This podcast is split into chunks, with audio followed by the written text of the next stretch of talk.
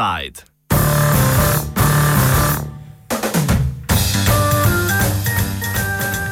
Sedemdeset let slovenskega novinarstva.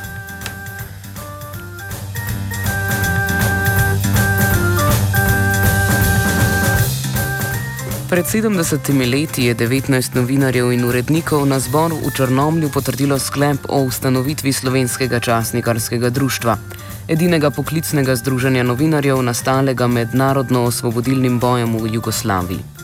Na osvobojenem ozemlju v Metliki so 5. maja 1944 na sklicani konferenci razpravljali o nalogah novinarstva v tedanjih okoliščinah. Zbralo se je okrog 100 novinarjev, grafikov in tehnikov.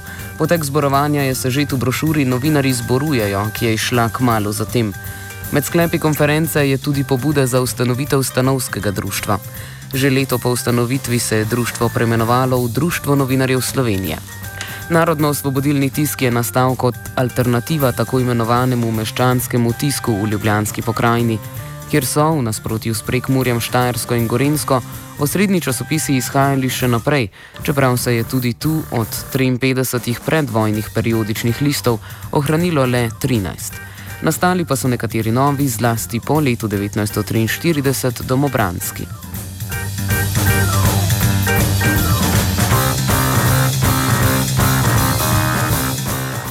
Korenine novinarskega povezovanja v širšem južnoslovanskem prostoru pa segajo že v začetek 20. stoletja, točneje v leto 1903 in takratni kongres Zveze slovanskih novinarjev. Kratek pregled zgodovine nam je opisala bivša častnikarka in organizatorica v Društvu upokojenih novinarjev Vesna Blajvajs. Leta 1930, 1903 je bil v Ljubljani eh, kongres vse, slo, vse novinarjev željo, da se pridružijo tudi slovenski, hrvaški in srpski novinarji.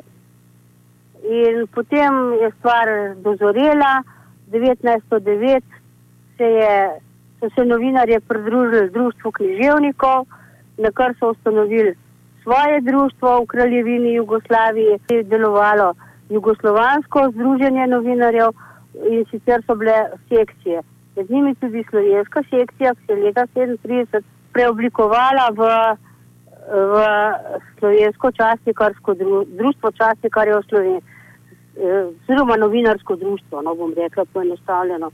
Uh, pred 70 leti je pa bilo v Črnomlu ustanovljeno uh, tako imenovano partizansko novinarsko društvo s pravim imenom Društvo časnikarjev Slovenije.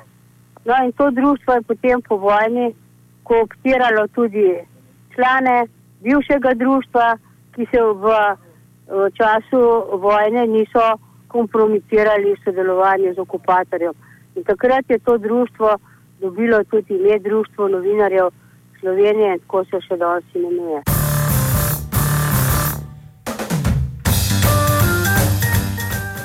Kako pomembna je bila izkušnja protiokupatorskega novinarstva med drugo svetovno vojno? v smislu profilacije uh, poklica novinar, ne. Ker je novinarstvo je pač profesija, poklic, uh, deja, delovanje v, v smislu moči javne besede in taka je bila javna beseda vse skozi. Kakšna se vam pa zdi moč javne besede v današnjih časih, oziroma kakšno je stanje novinarstva in medijev v, v neki družbi dan današnji, torej 21. stoletje?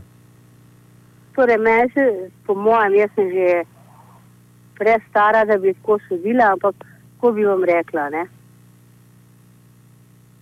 Manjka tistega profesionalnega čuta. Danes kar ni rumeno, se ne proda.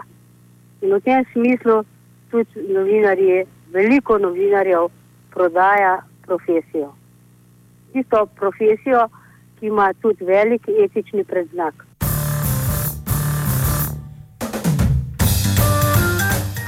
Ali ni novinarstvo in s tem povezana moč javne besede ena izmed nujnih, tako rečeno, vej oblasti v delujoči demokraciji? Naš kolega pokojni Đuro Schmidt-Berger je napisal eno imenitno knjigo, ki je, predal, kjer je podal pregled um, na kok celotnega slovenskega novinarstva, ampak naslov je pa partizanska sedma sila. Na tej partizanski sedmi sili on sicer prepusti presojo uh, vloge in pomena novi, uh, partizanskega novinarstva v zgodovini.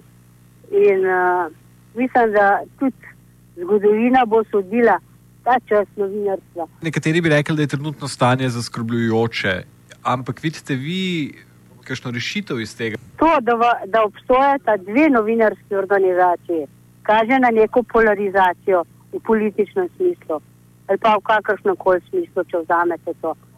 Ampak jaz mislim, da je novinarstvo poklic, oziroma veliko je obrti, ki, ki pa ima eno posebno etično noto. In moč javne besede mora biti vedno prežeta z osebnim poštenjem tistega, ki jo ustvarja. Pa je tukaj tudi krivda za stanje, oziroma recimo temu krivda, eh, lahko tudi na samih poslušalcih, da so postali ne, mislim da, mislim, da ne toliko. Ker gledajte, javna beseda pač ustvarja tudi javno mnenje. Ampak skozi to javno besedo se to javno mnenje ustvarja in je kakršno je.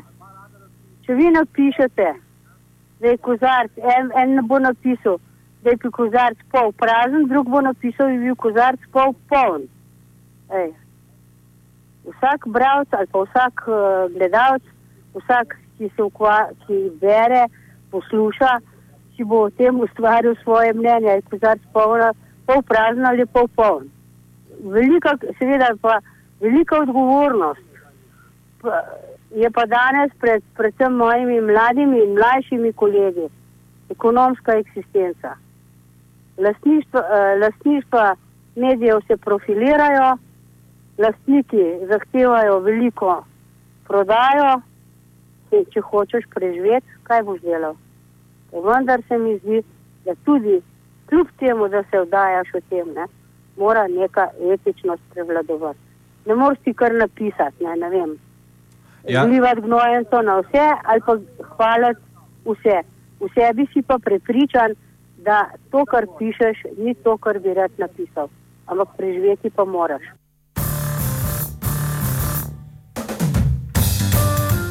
In kako novinarstvo zaščititi pred politično in materialistično odvisnostjo, nadaljuje Vesna Blajvajs. Tukaj, tukaj je pol pomembna vloga sindikata, tukaj je pomembna vloga obe, eh, recimo, profesionalnega združenja, pa ne bo tako ali, ali tako, ampak tako pač je. Danes za ljubi kruhek, marsikdo napiše kaj, kar mu potem obleži kot kamen na srcu. V upanju na bodočnost svobodnega novinarstva se poslavljamo.